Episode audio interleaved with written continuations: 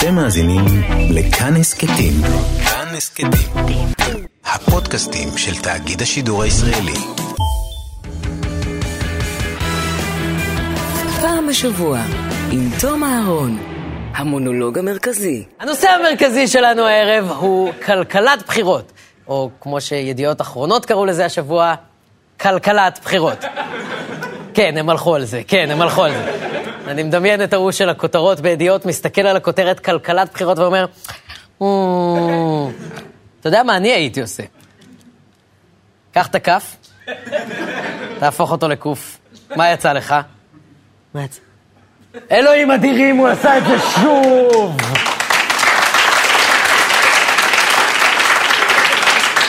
לא סתם הוא זה שהביא לנו את הכותרת האגדית על הצווים הנשיאותיים של טראמפ, צווי הנינג'ה, וכמובן את המופת העיתונאי, זיהוי יוצא מהגלל. באמת, באמת. עזבו את תיק 2000, אני לא יודע איך לא חוקרים את נוני מוזס במשטרה על זה. אבל גם בלי קשר למשחקי מילים של ידיעות, כלכלת בחירות זה כמובן דבר ששווה וחשוב לדבר עליו. כי די הגענו למצב שיש מעט מאוד כלכלה והמון בחירות. זה פשוט מרגיש כאילו אנחנו בבחירות כבר, לא יודע, עשור, לא יודע. הנה כמה זמן אנחנו בבחירות. כשיצאנו לבחירות, המילה מטפלת הייתה מילה שמשרה ביטחון אצל אנשים. שימו לב כמה השתנה. אנשים אמרו משפטים כמו...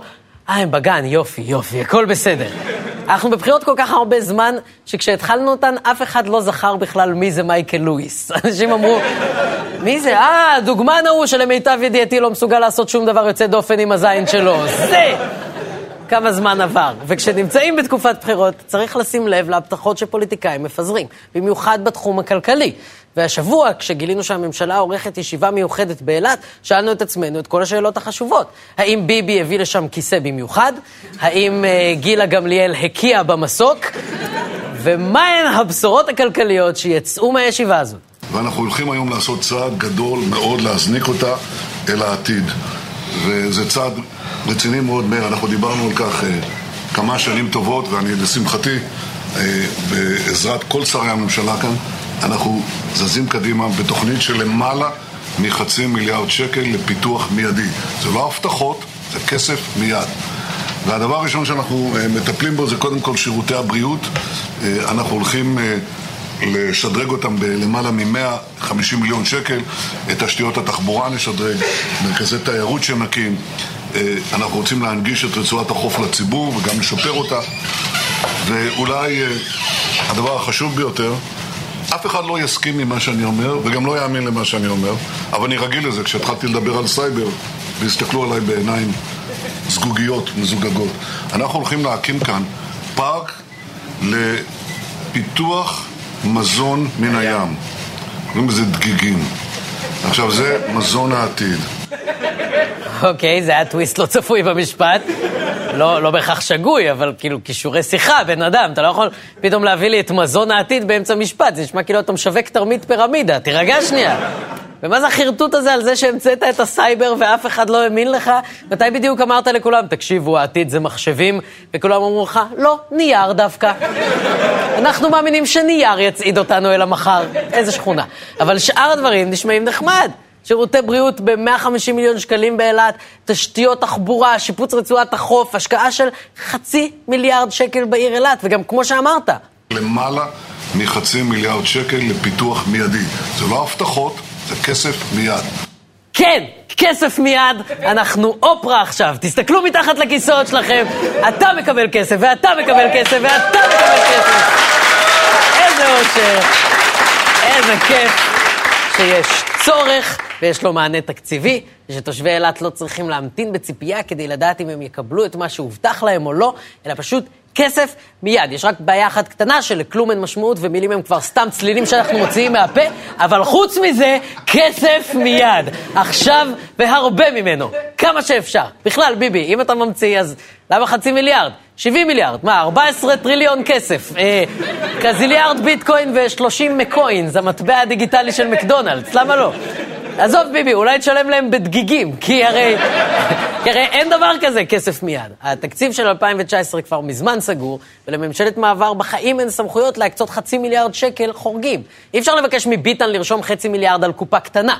אז הכסף הזה שביבי הרגע הבטיח כמיד, יעלה להצבעה רק על ידי הממשלה הבאה, שלכו תדעו מי יהיה בה, וזאת תהיה ממשלה שמתמודדת עם גירעון ענק, שאין לה מושג מה לעשות איתו.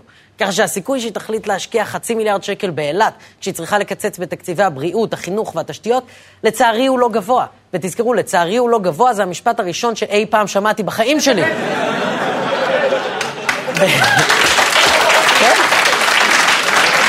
אוקיי. עם כמה שההבטחה הריקה הזאת מבאסת, היא לא ההבטחה הריקה המבאסת היחידה שביבי הבטיח לאילתים באותו יום. ויש עוד דבר, אנחנו נמשיך לקדם את קו הרכבת, תכנון קו הרכבת מהמרכז לאילת. גם החזון הזה יתממש. יש לאילת עתיד מזהיר, וכל אזרחי ישראל יש להם חלק ורצון לראות את העתיד הזה מגיע כמה שיותר מהר. בשביל זה אנחנו כאן. אוקיי, אני יודע שזה נראה כאילו הצלם עשה זום אאוט דרמטי, אבל uh, יכול להיות שהוא פשוט מבין שביבי לקראת סוף הנאום והוא מתחיל ללכת לאט-לאט לתפוס את המקום הטוב במסוק. נראה לי שזה ה... אוקיי, אני לא יושב ליד גילה גמליאל, אני לא נופל בזה, אני לא ילד, זובי אני ליד גילה. כי אין מה לעשות, הוא צריך לחזור במסוק, כי עדיין אין רכבת מאילת לתל אביב. ולמרות מה שביבי הבטיח, כנראה שגם לא תהיה. כי אפילו בהחלטת הממשלה שביבי בעצמו הציג, בסעיף שנוגע למסילת הרכבת, כתוב, יובהר כי האמור אינו כולל תוספת תקציבית כלשהי. אז עם מה תבנו רכבת? עם מקוינס? זה פשוט נורא מצחיק אותי שלמקדונלדס יש מטבע, אני נדפק מזה, אני קם כל יום לבדוק את שער המקוינס, ואני מדבר על זה בתוכנית שלי, כי גם יש לי תקווה קטנה לקבל נגץ חינם. אבל לענייננו, אי אפשר לבנות רכבת בלי לתקצב אותה, ואי אפשר באמת לתקצב אותה, כי רכבת לאילת היא פשוט לא דבר כלכלי. העלות של הקמת פרויקט כזה היא כל כך גדולה, והתחזוקה שלו היא כל כך יקרה, שכרטיס רכבת לאילת כנראה יעלה כפול מכרטיס טיסה, ואף אחד לא ייסע ברכבת. אז ביבי ירד לאילת כדי להבטיח להם רכבת שאין לה התכנות כלכלית, והוא לא מתכוון להשקיע בה שקל. אז אילתים סתם יחכו עכשיו לרכבת שלא תגיע. ש... כשאני חושב על זה, זה בדיוק מה שהם היו עושים אם כן הייתה שם רכבת. זה חלק מהותי מהחוויה, אז סחטיין על ביבי. אולי גם uh, תביא להם בקבוק עם זיעה של ג'ובניקים, וזה בכלל 90% מהסיפור. ואולי אילתים, תנסו במקום רכבת לעבור מחום אימים לקור מצמית, ממש מהר, זה גם חלק מהחוויה. ואולי במקום רכבת, ביבי יבנה באילת uh, ממש מעט שקעים חשמליים, שנמצאים במיקום הכי לא נוח שיש, ככה שצריך לשבת עם המטען בפוזיציה כזאת. זה ממש ייתן תחושה של רכבת. אבל uh, רק ביבי, לא, לא. תבנה, תבנה את השקעים האלה ככה שהם יספקו ממש מעט כוח, כדי שלאף אחד לא תהיה את האפשרות לטעון כמה דקות ואז לחזור לכיסא שלו עם בטריה. לא. זה צריך להשאיר אותם תנוחים בתנוח, כלואים בתנוחה למשך המון זמן עם אינטרנט איטי ברמה מייסרת. בבקשה, שיהיה את האינטרנט הכי איטי שאפשר. ואז אתם כמעט ברכבת, חבר'ה. אבל עד אז ביבי יכול להמשיך להבטיח. וזה בדיוק העניין בהבטחות האלה.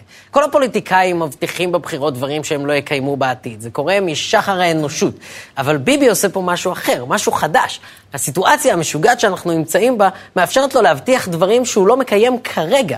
כי כשהוא אומר זה כסף מיד, הוא פשוט או טועה או משקר. הוא לא יכול להביא מיד את הכסף שהוא מבטיח מיד, אבל עד שמישהו יספיק לבדוק, הבחירות כבר יהיו מאחורינו, ונגלה שלא היה כסף ובטח לא מיד. וזה מאפשר לו להבטיח מה שהוא רוצה בלי לדפוק חשבון. דבר ראשון, רציתי להגיד לכם לגבי הפעוטונים. אני ראיתי כמוכם את התמונות הקשות האלה. ואני גם אה, הייתי אבא לילדים קטנים, ואני זוכר גם, תמיד המחשבה עלתה בליבי, מה קורה בפעוטון? מה קורה ב, במעון יום? והשאלה הזאת צריכה לקבל תשובה. אה, כן, ביבי, בוא, אנחנו מכירים את הילדים שלך, אתה פחדת על המטפלת, בן אדם.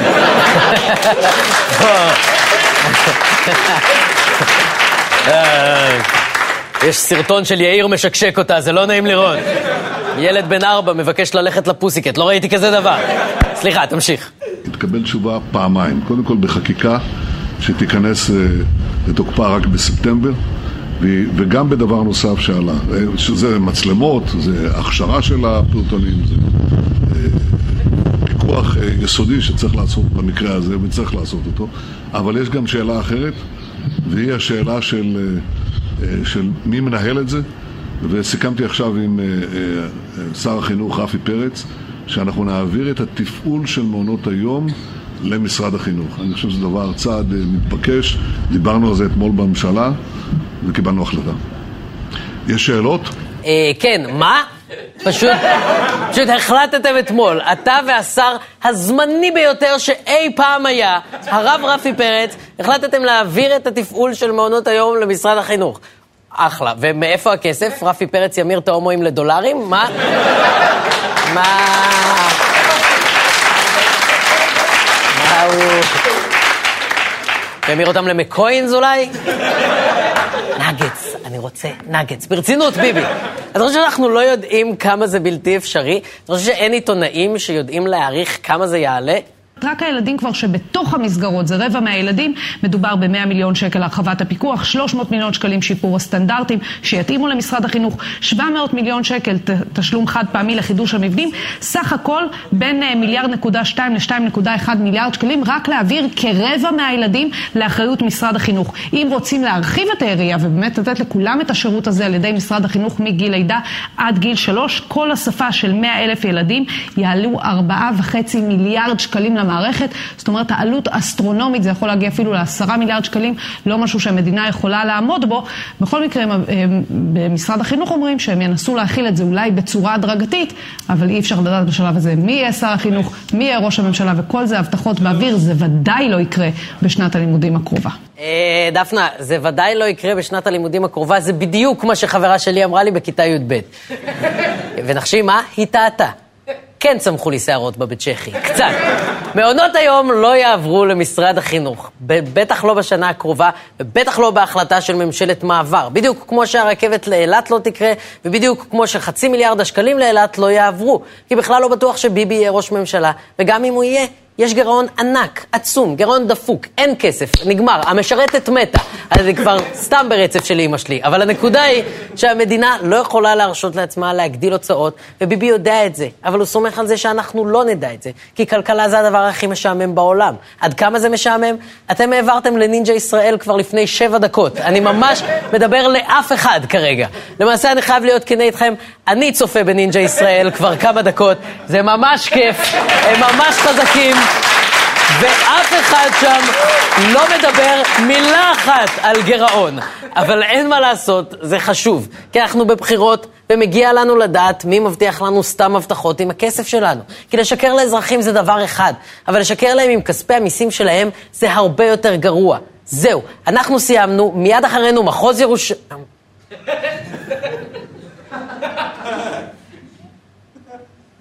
לא משנה, לא משנה מה יש אחרינו, אני לא... פעם בשבוע, עם תום אהרון, כל חמישי ב-10 בלילה, בכאן 11 בטלוויזיה.